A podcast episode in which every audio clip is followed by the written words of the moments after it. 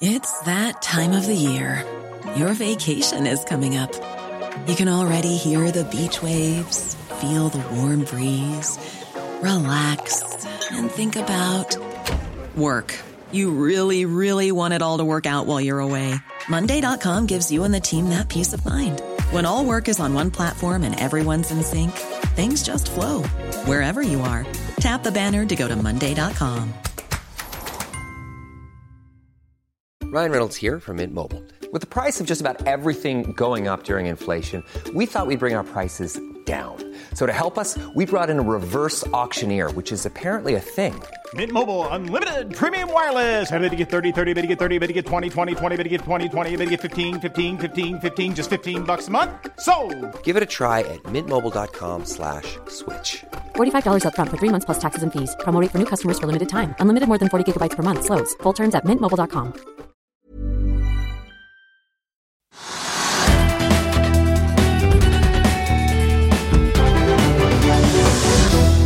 Arbeidsmarkedet koker, og det virker nesten umulig å få tak i folk til noe som helst om dagen. Likevel vil en av dagens gjester skaffe til veie 1000 nye kloke hoder de neste årene, og nesten øke staben med 50% mot 2025. Er det i det hele tatt mulig? Dagens andre gjest kan kanskje gi han noen tips om hva arbeidstakerne forventer i disse post-koronatider. Velkommen til Økonominyhentenes sommerserie fra oss her i Finansavisen, der vi gjennom sommeren får besøk av ulike personer som fra hver sin kant i økonomiens verden skal gjøre oss litt klokere på hva som skjer og hva vi har i vente. Denne gangen har jeg fått med meg eh, Trine Larsen, managing partner i eh, Hammer og Hanborg, eh, hodejegerfirma som jeg tabloid kaller det, og Leif A. Jensen, konsernsjef i PwC Norge. Velkommen. Takk. Tusen takk. Dere, Vi her som sitter i finanspressen ser jo disse tallene. altså Vi ser ledighetstallene fra SSB. som Nå kommer det riktignok nye om et par dager fra når vi sitter her, men altså likevel en ledighet på 2,9% Nav-direktør Hans Christian Holte sier at de har ikke registrert en lavere ledighet siden 2008, som jo vekker noen minner for de økonomiinteresserte. Likevel igjen så er det altså dere skal Leif, så skal dere altså hente inn masse nye folk. Klarer dere det? vi har trua, ja. eh, men det er jo ekstremt krevende. Eh, og det, Vi har jo aldri opplevd en sånn situasjon på mange mange år. Jeg får oppleve, er, liksom, opplever dere at det koker Ja. når du snakker med HR-sjefen din? Og, Ja, ja. Og det er klart at vi, eh, vi har jo vært nødt til å mangedoble kapasiteten vår eh, knytta til rekruttering og, og det å jobbe på en måte ute i studentmarkedet og ute i markedet for å rekruttere erfarne. Trine, Vi skal snakke litt om hva folk forventer, men hvordan opplever du arbeidsmarkedet du da, som sitter der og formidler eh, kloke hoder på, til uh, bedrifter som PwC og andre? Jeg kan bekrefte tallene. Det koker. Det, jeg begynner å bli en erfaren hodejeger nå og har jobbet med det vel i 20 år. Jeg har aldri sett maken. Nei. Hva, er det, hva er det? Er det bare at bedriftene har et så skrikende behov? Er det at Ja, det er både det, men det er en sånn ekstremt mobilitet. Det er en forflytning jeg ikke har sett maken til. Uh, som kan være av mange forskjellige grunner, egentlig. Ja. Så, så den derre gullklokka og sånn, eh, det er borte. Er det Man, liksom, man, man har jo ikke lang ansiennitet før man bytter jobb. Nei, ikke sant? Eh, leste noe tall før i dag. Eh, er det 600 000 eller sånn som har byttet jobb det siste året? Ikke sant? Det, er, det er liksom eh, Ja, det er mange nyutdannede som kommer i jobb, men det er en ekstremt forflytning av de som allerede er i jobb også. Men er det en sånn koronapropp som løsner litt som folk er ute og begynner å reise til Sør-Europa og USA igjen, så er det også mange som Ja. nå begynner å Altså det er jo ofte en lag at du sier opp, så går det tre måneder, og så begynner du ny jobb. Altså at det nå faktisk så skjer mye er- av den flyttingen. Ja. jeg tror det er flere, flere grunner. Jeg tror jo pandemien kanskje har gjort noe med det også, men det er jo litt den derre med tiden vi er i også. Eh, Jeg opplever litt sånn det er litt sånn individualistens tid. Hva får jeg? Hvem får jeg utvikle meg? Tjener jeg nok? Det, eh, og gjør jeg ikke det, så stikker jeg et annet sted. Eh, ja, så, og, og man er kresen på hvem man vil jobbe for. Fortell litt, Leif. altså Jeg sa dere skal skaffe til meg 1000 stykker. Sett det litt i perspektiv for oss. da, fordi Mange kjenner jo revisjonsbransjen som eh, et sted hvor noen blir veldig lenge, men veldig mange kommer ut fra Civix-studiet som regel. Eh, og begynner i PwC, Deloitte eller KPMG og hele gjengen, holdt jeg på å si. Jeg skal ikke glemme Ernst Young heller. Eh, og får på en måte sin første erfaring med arbeidslivet og økonomiens verden før de går videre. Men hvorfor denne veksten? Nei, altså, Veksten er jo knytta til de endringene vi ser rundt oss. Eh, vi har en verden som blir mer og mer kompleks. Eh, verden blir mer polarisert. Eh, utfordringene som treffer oss er i en skala og kommer med en fart vi ikke har sett før. Det gjør at de problemstillingene som skal løses, som næringslivsledere skal løse, som offentlig sektor skal løse, er på et nivå og med en kompleksitet som vi aldri har sett før. Og Det er klart at det er veldig, veldig krevende eh, å bygge all spisskompetanse in-house. Sånn at Måten å løse det på er jo at du tiltrekker deg noen som kan hjelpe deg, og som sitter på den eh, spisskompetansen, og så gir deg den fleksibiliteten du trenger. Ja, for Da snakker du om alt fra på en måte En ting er jo tradisjonelt regnskap, men det er jo rådgivning, eh, ESG-rapportering, altså alle disse nye tingene som eh, bedriftene er pokka nødt til å levere på. Ja, ja altså det, det er eh, ting altså Det er jo sånn at uh, ofte sier en at alt henger sammen med alt. Men skal du løse de store problemstillingene i dag, så kan du ikke på en måte bare jobbe med ett fagmiljø. Du er nødt til å sette fagmiljø sammen, du er nødt til å sette kompetanse sammen. Du er nødt til å få inn ulike perspektiver, fordi det er eneste måten å løse problemstillinga på. Og Det gjør at vi har behov for et helt annet sett og mangfold i dag, nettopp for å løse de utfordringene som kundene våre står. Og det gjelder på en måte både på revisjon eh, som det gjelder for rådgivningsmiljøene våre. Så du er kanskje ikke bare på jakt etter uh den klassiske siviløkonomen uh, ut fra NHO eller BI? Uh, nei, uh, altså utgangspunktet er jo at vi, vi er fortsatt veldig veldig avhengig av å rekruttere de klassiske økonomene. Det er en viktig del av vår rekrutteringsbase.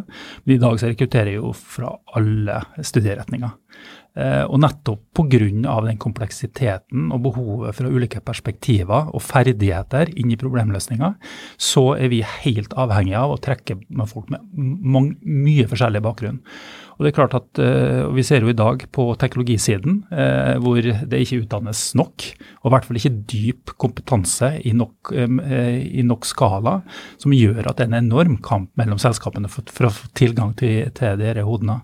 Vi ser på IT-sikkerhetssiden som er et område hvor det utdannes altfor få mennesker. Ja, Det virker nesten utømmelig. Ja da, og For oss så å være en del av et globalt nettverk er jo eh, gull i en sånn situasjon.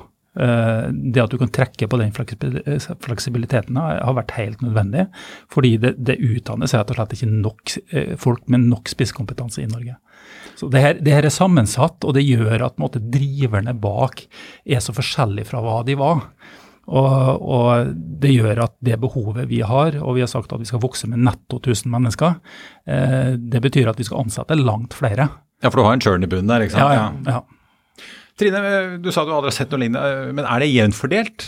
Åpenbart så koker det jo i konsulent- og revisjonsbransjen om dagen. Vi ser jo det er helt vilt gode tider i olje- og gassindustrien. Vi ser sjømat uh, tjener bra. Det drypper vel ned på konsulenter, advokater og mange andre. Men, men er det Vi vet jo at reiselivet bobler jo syder igjen. Er det, er det noe hvor det ikke er full fart, på en måte? Nei. Det er full fart. Ja. Eh, og det er litt den problemstillingen du er inne på. ikke sant? At det, noe har vi jo forutsett også, at det, utdannes for få innenfor spisskompetanse. Det er jo en, en, rød lampe som har blinket i mange år, mm. eh, som jeg ikke forstår at ikke man har gjort noe som helst med. da. Eh, der ser vi Og så har vi en offentlig sektor også som er ganske stor, som har støvsugd også markedet for en del innenfor IT og teknologi, eh, som er bekymringsfullt, syns jeg. Eh, så, men jeg ser det også i mobilitetsbransjen. Det er en endringstakt også, ikke sant, som, som jeg heller aldri har sett før. Eh, som du sier, nye komplekse problemstillinger som skal løses. Eh, en kundeatferd som er helt endret. Kjøpsatferd som er helt endret. Måten vi forflytter oss på er endret. Alt er jo endret i en kompleks verden. Så det, det er en spesiell tid. I bygg og anlegg har vi jo sett at mange arbeidsinnvandrere som jo har hjulpet å holde hjulene i gang i Norge i mange år, eh, rett og slett har dratt hjem, veldig mange av de. Eh, ikke bare pga. at koronapandemien gjorde det litt tricky å være arbeidsinnvandrer, for plutselig var man stuck i ett land, man måtte liksom velge.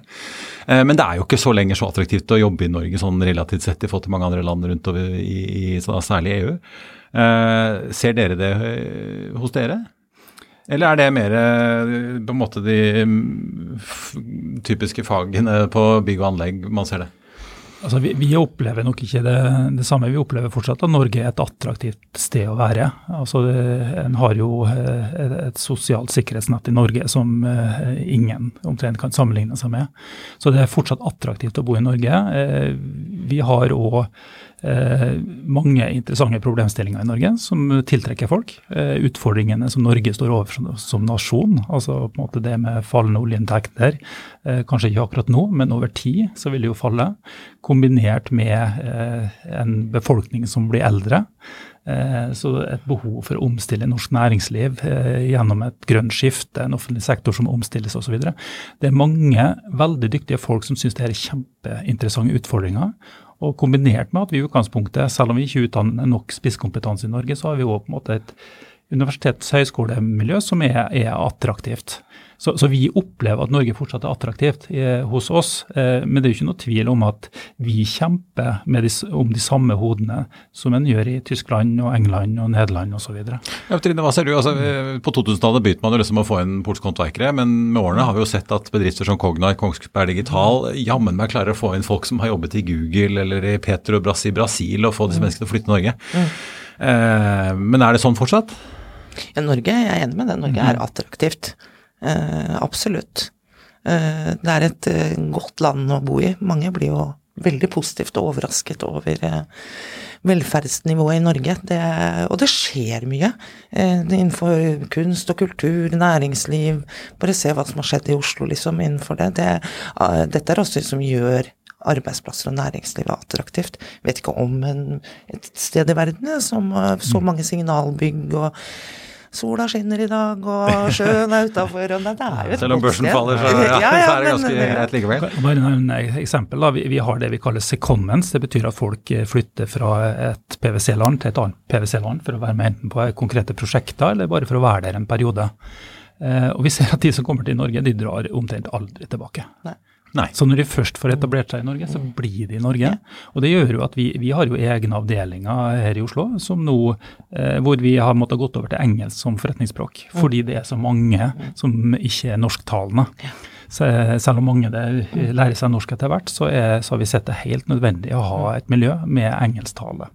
Men er det på en måte samfunnsstruktur og arbeidsform, og hva er det som gjør at de da De kunne jo blitt i Stockholm, måtte jeg på å si, eller i Tyskland, eller ja, jeg, jeg, tror det er mange ting uh, som uh, Trine er inne på. så er det, det, er mange, det, er mange, ting som trekker. Men jeg, jeg tror òg uh, eh, vi er veldig flinke til å ansvarliggjøre folk her i Norge. Mm. Altså Du får mye ansvar. altså Frihet under ansvar er jo noe som kjennetegner det norske arbeidslivet. Mm. Og jeg tror For veldig mange som kommer hit, så er det noe som er tiltrekkende.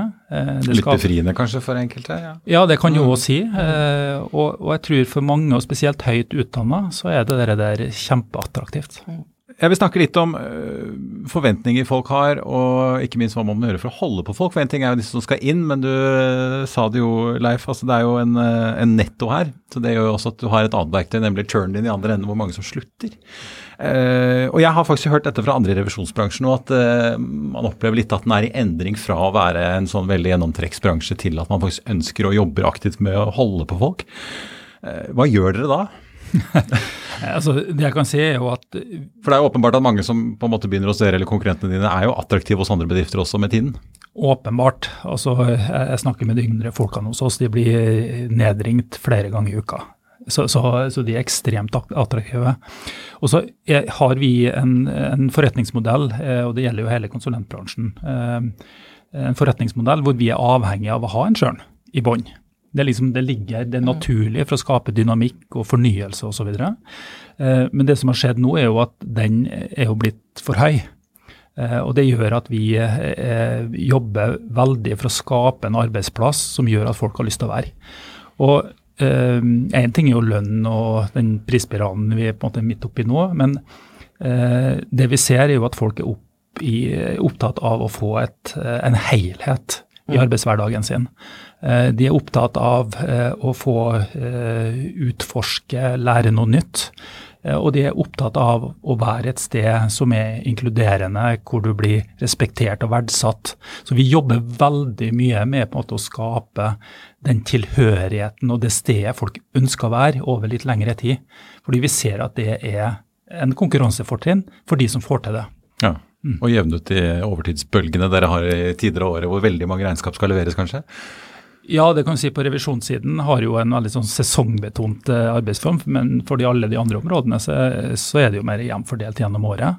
Eh, og, og, det vi ser, jo vi har noen utfordringer med mye overtid, men, men det tror jeg gjelder de fleste måte, utfordrende jobber. Det vil kreve en, måte, en del av det.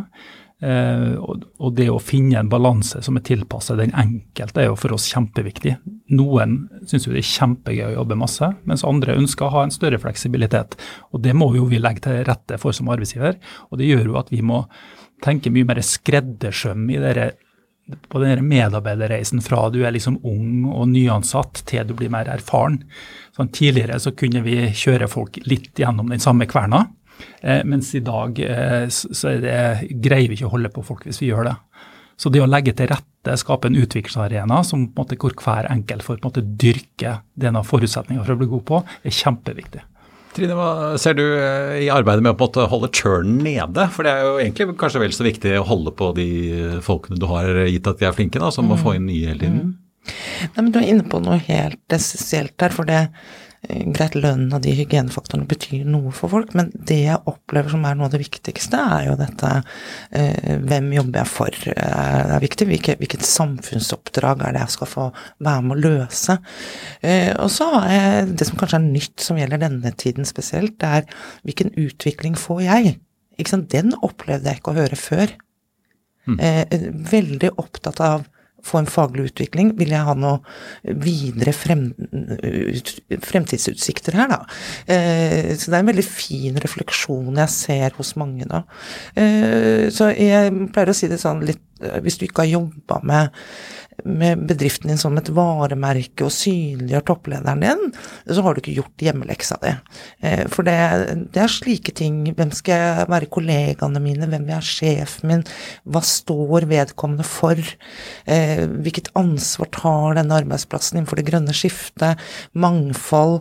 Eh, mange selvfølgeligheter, men, men det her krever folk i dag. Men det er, ja, for det er jo, for å være litt personlig, det er jo litt, det er, det er ikke så ofte før at man så liksom sjefen i PwC delta i en podkast, eh, og vi har jo sett uh, sjefen i McKinsey Norge, uh, Fridtjof Lund, masse ute. Det var ikke tidligere sjefer i McKinsey Norge, for å si det sånn. Det er jo kanskje noe som har skjedd også internt, da, eller sånn bevissthet med hvordan man skal delta og synes der ute? Ja, altså Det er jo ikke tvil om det. Altså, for oss så er det ekstremt viktig å, å, skape en kultur hvor du skaper det rommet hvor individet kan utvikle seg. Eh, men selvfølgelig inn i en struktur som gjør at vi leverer på det verdiforslaget vi som selskap skal gjøre. Da. Eh, og da, da starter jo på toppen. Det, det, er på en måte vi som måte er de viktigste kulturbærerne. Det er vi som på en måte, eh, eh, vi er meningsbærerne, som er så ekstremt viktige. Og det stiller helt andre krav til ledere i dag enn det gjorde for en del år tilbake. Mm. Sånn at eh, For meg så er det å engasjere meg i eh, alt som har med mennesker å gjøre, er like viktig som at jeg engasjerer meg med, med kundene våre. Mm. Ja. Fordi det markedet er like viktig. Altså Kundemarkedet og eh, rekrutteringsmarkedet er like viktig i dag. Mm. Eh, og det har vært en endring som har gått litt sånn gradvis over tid. Eh, og så er det jo noe annet som vi har vært litt inne på, og det er jo det her med at for å løse de problemstillingene som selskapene står overfor, eh, så krever du mye mer sammensatt kompetanse. Det å lede sammensatt kompetanse eller et mangfold, det krever noe helt annet av deg som leder. Altså, det, det, eh, hvis du ikke er ja, Da må du også på en måte ha opplevd verden utenfor NHH. altså Ikke for å henge ut de, liksom, mm. men du, absolutt, du må jo være interessert i hva som rører seg utenfor Sivøk-sfæren. Liksom, være, ja, du må være nysgjerrig på annerledesheten. Du må investere tid i det. Du må prøve å forstå det. Og så må du bruke den innsikten til å ta kanskje andre beslutninger enn du har gjort før. Mm. Så, så, så det kravet til oss som ledere i dag, det er noe helt annet. Og hele på en måte selskapets troverdighet står og faller på om du som leder er troverdig på det området her. Hvordan går man ut da? Jeg tenker i hvert fall sånn mot unge. så Tradisjonelt så drar jo eh, PwC og andre ut og har stands på eh, mm. karrieremesser på enten det er NTNU eller BI eller hvor det skal være. Jeg jobber jo mye med lederrekruttering, eh, og det er helt andre, andre, kvalifikasjoner man ser etter i dag enn hva man gjorde for ti år siden. Jeg kaller det noen ganger at en toppleder i dag må jo også evne å være denne gallionsfiguren som folk vil jobbe for. Du kan ikke ha den frykten for topplederen din som man hadde i gamle, gamle dager. Det må være For det er forværelse og kontor og en etasje høyt der oppe, liksom. Ja, ikke sant? Du må ha den karismaen, du må kunne snakke med mange forskjellige mennesker. Eh, så vi kaller det ofte de kommunikative lederne, ikke sant? De som evner å være i podkaster. Eh, som evner å forstå at det er en god idé å lage en YouTube-serie som, som PwC har laget, som mm. Associate. Jeg så litt på den i dag. Og, eh, det, ikke sant? Som evner å, å, tenke at dette er lurt. Mm. Eh, fordi at det, det som er den store kampen i dag, det er spesialistene.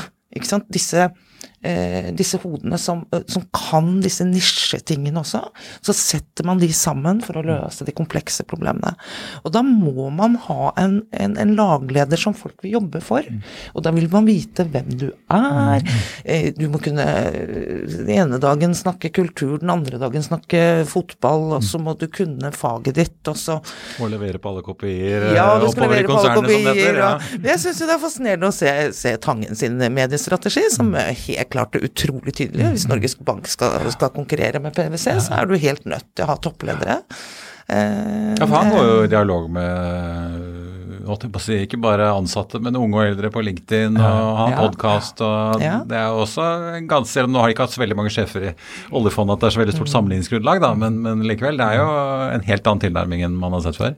Ja da, og, og jeg, jeg, ser det jo, Vi har jo mange interne arrangement, måten vi kommuniserer med våre ansatte. Tidligere i dag så hadde vi vi kaller det town hall meetings, eh, møte med alle ansatte eh, hvor vi på en måte kjører det digitalt. Mm. Eh, og Det gjør vi jevnlig, nettopp for å nå ut til alle ansatte, slik at de på en måte blir kjent med lederne osv. Og, og i, i PwC så har vi, eh, vi har på en måte sett litt på fordi det Trine snakker om, det handler litt om en del paradokser som nå på en måte du er nødt til å håndtere som leder. Mm.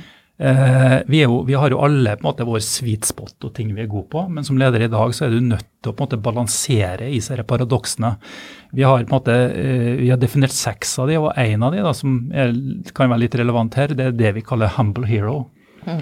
Så det er nettopp det at du skal være trygg. Du skal være på en måte en person som folk ser litt opp til, men som også utstråler en form for trygghet. Mm. Samtidig som du må evne å være ydmyk. Du må kunne innrømme at du tar feil. Du må på en måte gjøre deg mer naken. Du må være, på en måte, du må være mer transparent og vise frem mer hvem du er være mer nysgjerrig osv.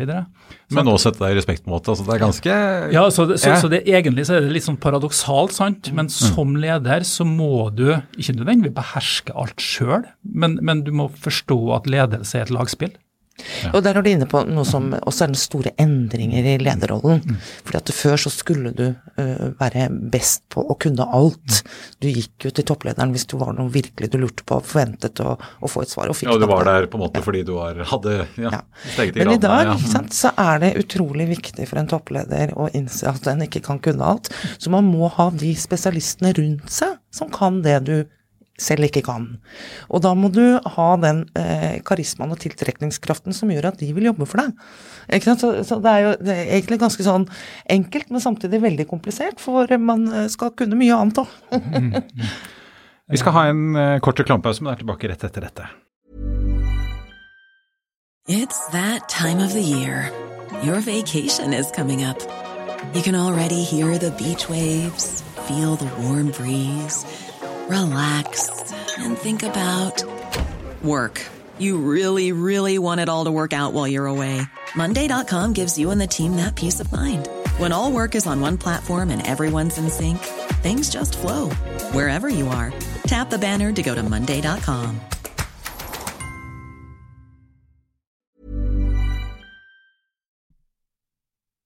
I'll see you in court.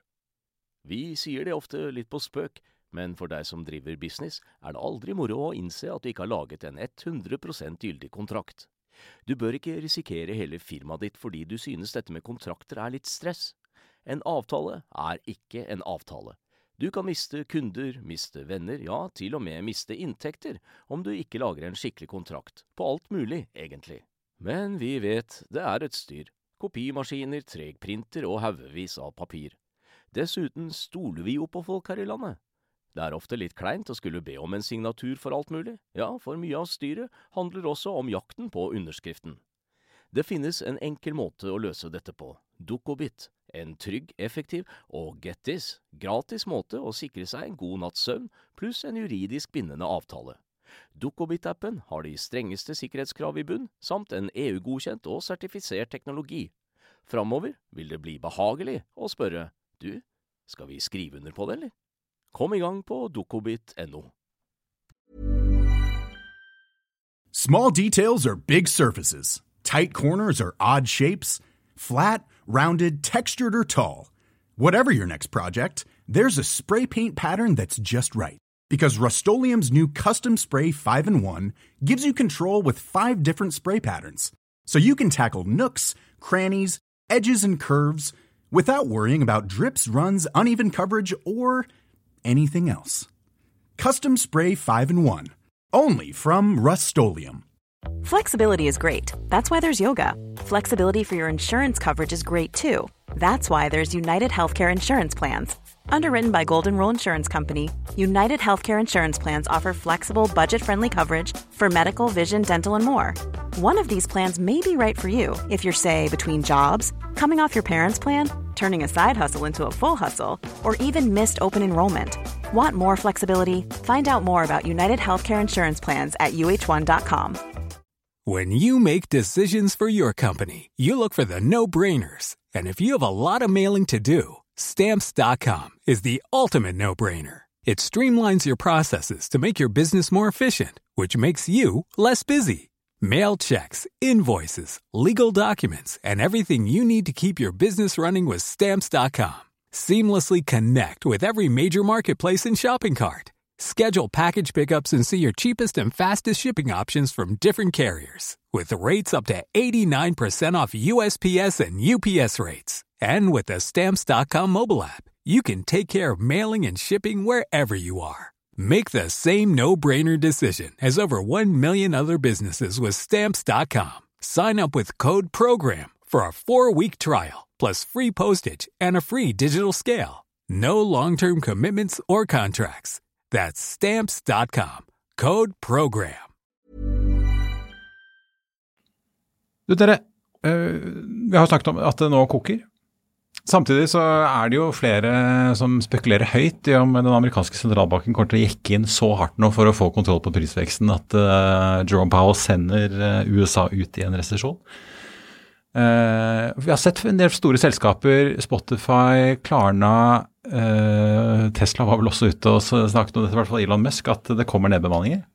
Eh, kan vi nå få et år eller to hvor det er helt Klondyke, og vi har noen kull inn i arbeidsmarkedet, eller som sirkulerer i arbeidsmarkedet og har helt fantastiske tider, og så kommer en ordentlig baksmell? Ja, Det er et veldig godt spørsmål. Eh, det er ikke tvil om at vi, vi er i en tid hvor usikkerheten er større enn den har vært på veldig, veldig lenge. Um, sånn at uh, Det er i hvert fall én ting jeg har lært meg, det er jo at uh, det å være skråsikker på hva som skjer, det er, uh, det er ikke spesielt smart.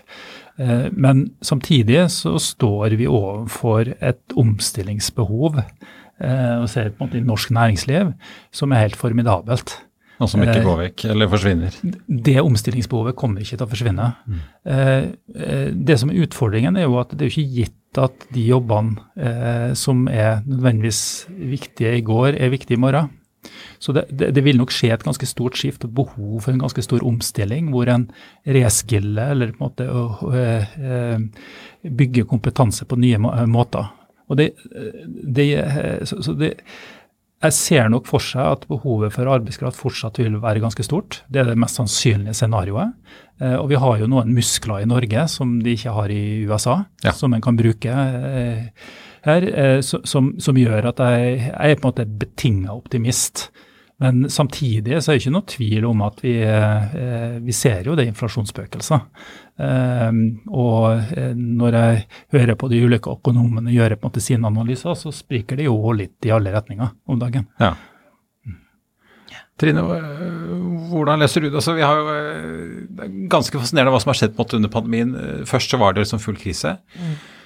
Og så ble det liksom full fest på børsen, og vi så at mange kastet kapital etter på en måte grønne selskaper, vekstselskaper, gikk Ja. som en kule. Eh, Så har rentene begynt å tikke oppover. Mange av disse, En ting er at verdsettelsen faller jo ganske dramatisk, men mange av de vil jo da begynne å slite med å kunne regne hjem finansieringen de kanskje trodde de kunne få til visse betingelser. Eh, og vi ser plutselig så er liksom industri, olje og gass er superhipt igjen, og verden må jo spise og kjøre bil og fly ganske store endringer på kort tid. Nå har vi da liksom en Klondyke på vei ut av pandemien, eh, samtidig som vi ser da disse store amerikanske konsernene varsle nedbemanninger likevel, som vi vel kanskje kan lese som at de, de tar noen grep for å forberede seg på noe som kan komme.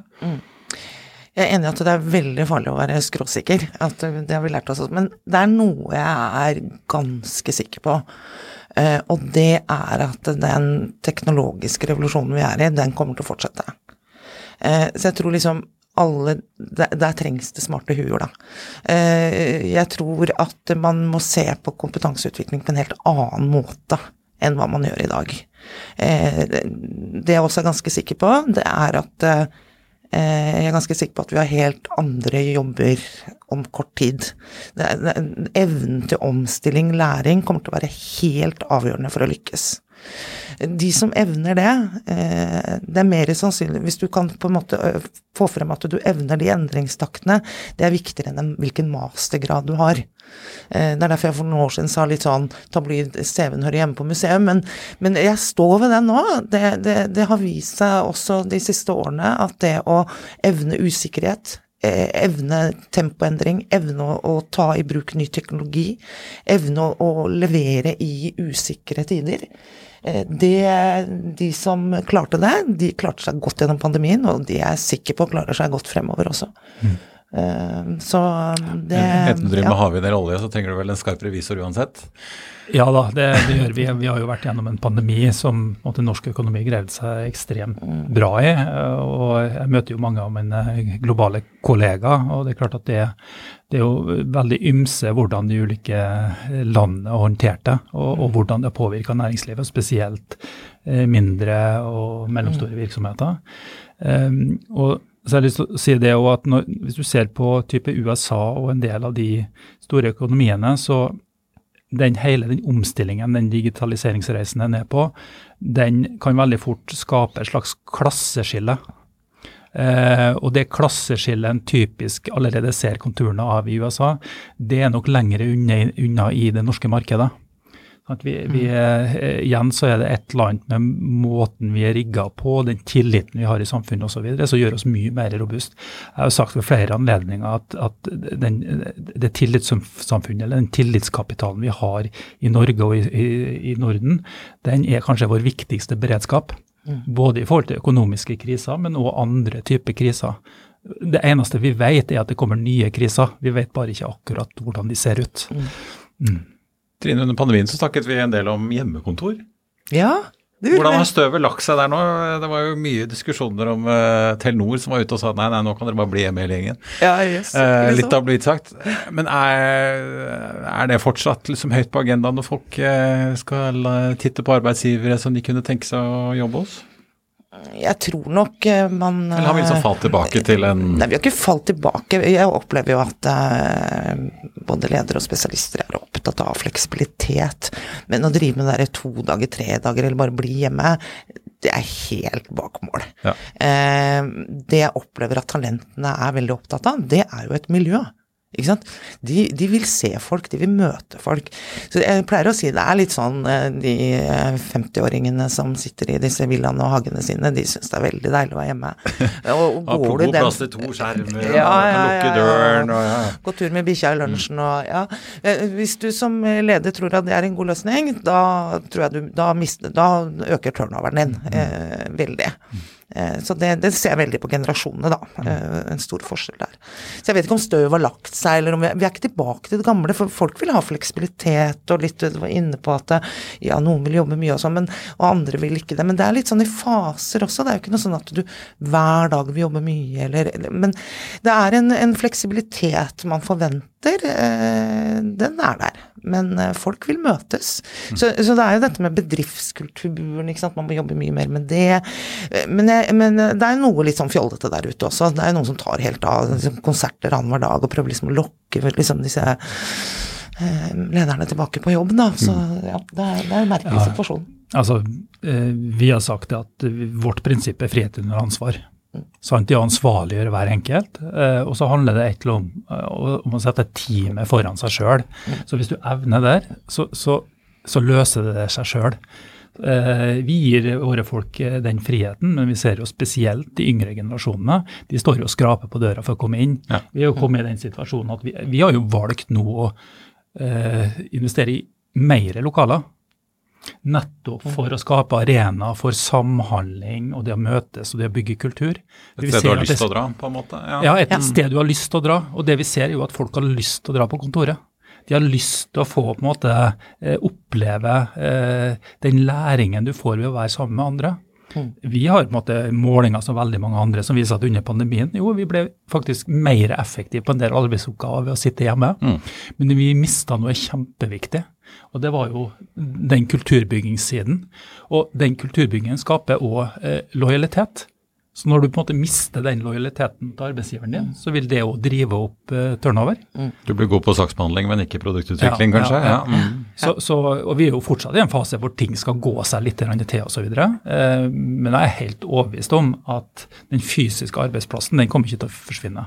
Det er liksom merkelig hele den strukturelle endringen der, for det var liksom tidligere, før pandemien, et sånn statussymbol å kunne jobbe hjemme, men under pandemien så var det liksom sånn, måtte du på kontoret, så var det jo viktig. Ja. Så det ble plutselig hvis, du, hvis du kan sitte på hjemmekontoret i dag, så, så er det jo ikke viktig, vet du. Ikke det er liksom eh, Det har snudd seg veldig. Eh, Men du er inne på noe vesentlig her, og det, det er der jeg ser det kanskje er noe friksjoner, ikke sant. At det, det er på en måte litt sånn individualistens tid. Eh, samtidig er det, eh, hvis du som leder i dag ikke setter teamet og medarbeiderne foran dine egne behov, ah, da lykkes du heller ikke. Eh, så, du skal liksom Her er det noe Man må tenke Men det kan jo virke sånn, hvis man på en måte Ja, individualismens tid og man har forventninger om å få utvikle seg selv, så kan jo det, hvis man er litt god til å lede, faktisk brukes til å da faktisk eh, få noen ganske gode på en måte teamløsninger ut av dette her, da. Mm. Ja, jeg, absolutt. Eh, Men jeg har lyst til å bare si det at eh, vi, har akkurat vi, En gang i året så gjør vi en medarbeiderundersøkelse. eh, Og vi var litt spent på resultatet i år. Fordi det er det første året hvor folk har fått følelsen av å være tilbake, sammenligna med i fjor. Ja. Og vi har på en måte aldri hatt så gode resultater. Noen gang. Så jeg tror den derre euforien som har oppstått i på en måte når folk møter hverandre og får lov til å sosialisere igjen, får lov til å jobbe med problemstillinger hvor du sitter sammen i et rom og diskuterer, jeg tror det, den verdien av den, det på en måte har slått ut i den undersøkelsen. Og det er det man ser at ja, eh, vi fikk til veldig mye, men noe, det vi kanskje mista også, det var jo en del av denne innovasjonen uh, som er så nødvendig, da. Og også det med læring av hverandre. Eh, ja. Det, og den gleden med å være sammen og legge til rette for at eh, teamene kan samhandle godt, og eh, kulturbarrierer og misforståelser og det, det, det er enklere. Team funker bra når du kjenner noen veldig godt, har jeg funnet ut. ja. Men dere, har dere fått dere pass til ferien, da? Eh, jeg har pass, jeg driver jo og reiser stadig vekk. Eh, og jeg var senest i London i, i går. Eh, og jeg var veldig glad at jeg hadde pass, eh, men jeg er veldig glad for at jeg bestemte meg for å tilbringe ferien i Norge. Ja. Fordi eh, Køen på Heathrow eller Gatwick ja, da, så, frister ikke til så jeg fikk min dose på flyplass, for å si det sånn, begge veier. så det frista ikke til gjentakelse. Ja, men Trine? Blir det Lofoten eller blir det Nisjø, holdt jeg på å si? Ja, Gudskjelov så har jeg ikke en flybillett i lomma. Det blir uh, seiling, men det, det blir kanskje til Sverige. Det var jo ikke mulighet for det i Det er fjor, sant. så det gleder jeg meg til. Svenskekysten er vakker. Den er det. Så tenkte jeg apropos medarbeiderundersøkelsen. Det er jo ikke rart at folk føler seg lykkelige og fornøyde igjen etter den der ganske røffe nedstengingen som var nå i vinter, som jeg tror mange syns var tung. Men er det sånn dere klarer å faktisk koble av og ta ferie når dere tar ferie da, eller eh, er dere sånne e-postsjekkere som eh, innimellom eh, seiling og lunsjer og softis Nei, altså for, for min egen del så er jeg, jeg er blitt veldig mye flinkere til det med alderen. Eh, jeg er mye flinkere til å koble av nå enn jeg var yngre, og det, og det føler jeg at jeg trenger. Du er jo tilgjengelig. Som leder så må du jo være tilgjengelig. Eh, men jeg tror, Og det å på en måte være på en måte bevisst på hvordan du faktisk kobler av, har vært kjempeviktig. Så vi har jobba mye med det òg internt hos oss. Mm. Og det å på en måte gjøre sånn at du tar litt ansvar for din egen tilværelse. Og da det å på en måte faktisk evne å ta mentalt fri er så viktig for å prestere over tid. Så, øh, men svaret fra meg ville vært helt annerledes hvis du spurte for 20 år siden. jeg, pleier, jeg, pleier, å sette på sånn e-postvarsel, for da er det liksom, da er det en barriere. Altså, du, du, kan jo nå på SMS og telefon, men da siler du ut veldig mye med en gang man skal plukke opp og begynne å skrive en SMS eller ringe. Hva med deg, Trine? Er du Jeg mailer ikke hytt og pine i ferien, nei. men uh, nei, det gjør jeg ikke. Jeg eh, prøver også å strukturere opp når på døgnet jeg gjør det sånn i hverdagen òg. Men eh, jeg er nesten alltid på jobb, jeg. Jeg, er ikke så god på å skille jobb og fritid. Jobben min er hobbyen min, ikke sant. Det, eh, så jeg tror vi er noen som har det sånn òg. Mm. Velkommen til klubben. Du dere, tusen takk for at dere kom begge to. Så blir det veldig spennende å se hvordan det går da utover ja. høsten. Om det er like brennhett og om du får tak i alle disse tusen nye kloke hodene. Vi får si netto tusen, da. Ja, Men hva spår, i. hva spår du? Hva tror du skjer utover høsten? Si det. Det er jo øh, Ja. Jeg er jo egentlig ansatt for å rapportere, men øh, jeg sliter i hvert fall å se med at det skal gå så veldig mye dårligere i denne energibransjen vi lever veldig godt av, for det har jo vært underinvestert i veldig veldig mange år. Og når til og med Tysklands uh, finansminister, er det vel visekansler fra De Grønne, sier at de skal bruke mer kull for å fylle gasslagrene i Tyskland til vinteren, da tenker jeg at da er det ganske mange prinsipper og ting man var vant med som er kastet ut og ned i vasken og skylt ut for lengst. Så det er en uh, spesiell verden vi lever i. Ja, vi, eh, vi, har jo 300 graduates som skal begynne i august, uh, så det sier jo alt om hva vi tror på. Ja. Det blir i hvert fall nok å revidere og rådgi på. Eh, Trine Larsen og Leif A. Jensen i PwC Norge og Hamre Hamburg, takk skal dere ha for at dere kom, og riktig god eh, sommer. Det var det vi hadde for deg i eh, denne omgang, men vi er tilbake her om ikke lenge med en ny episode. Så husk å abonnere på Økonominyhetene der du hører på podkast. Og så får jeg også si at vi har jo mange andre podkaster her på huset om alt fra bil til klokker, gründere og kunst, så det er bare å søke opp Finansavisen i podkastspilleren din. Produsent Lars Brennen Skram og jeg, Marius Lorentzen, takk for at du hørte på, og så håper jeg vi høres snart igjen.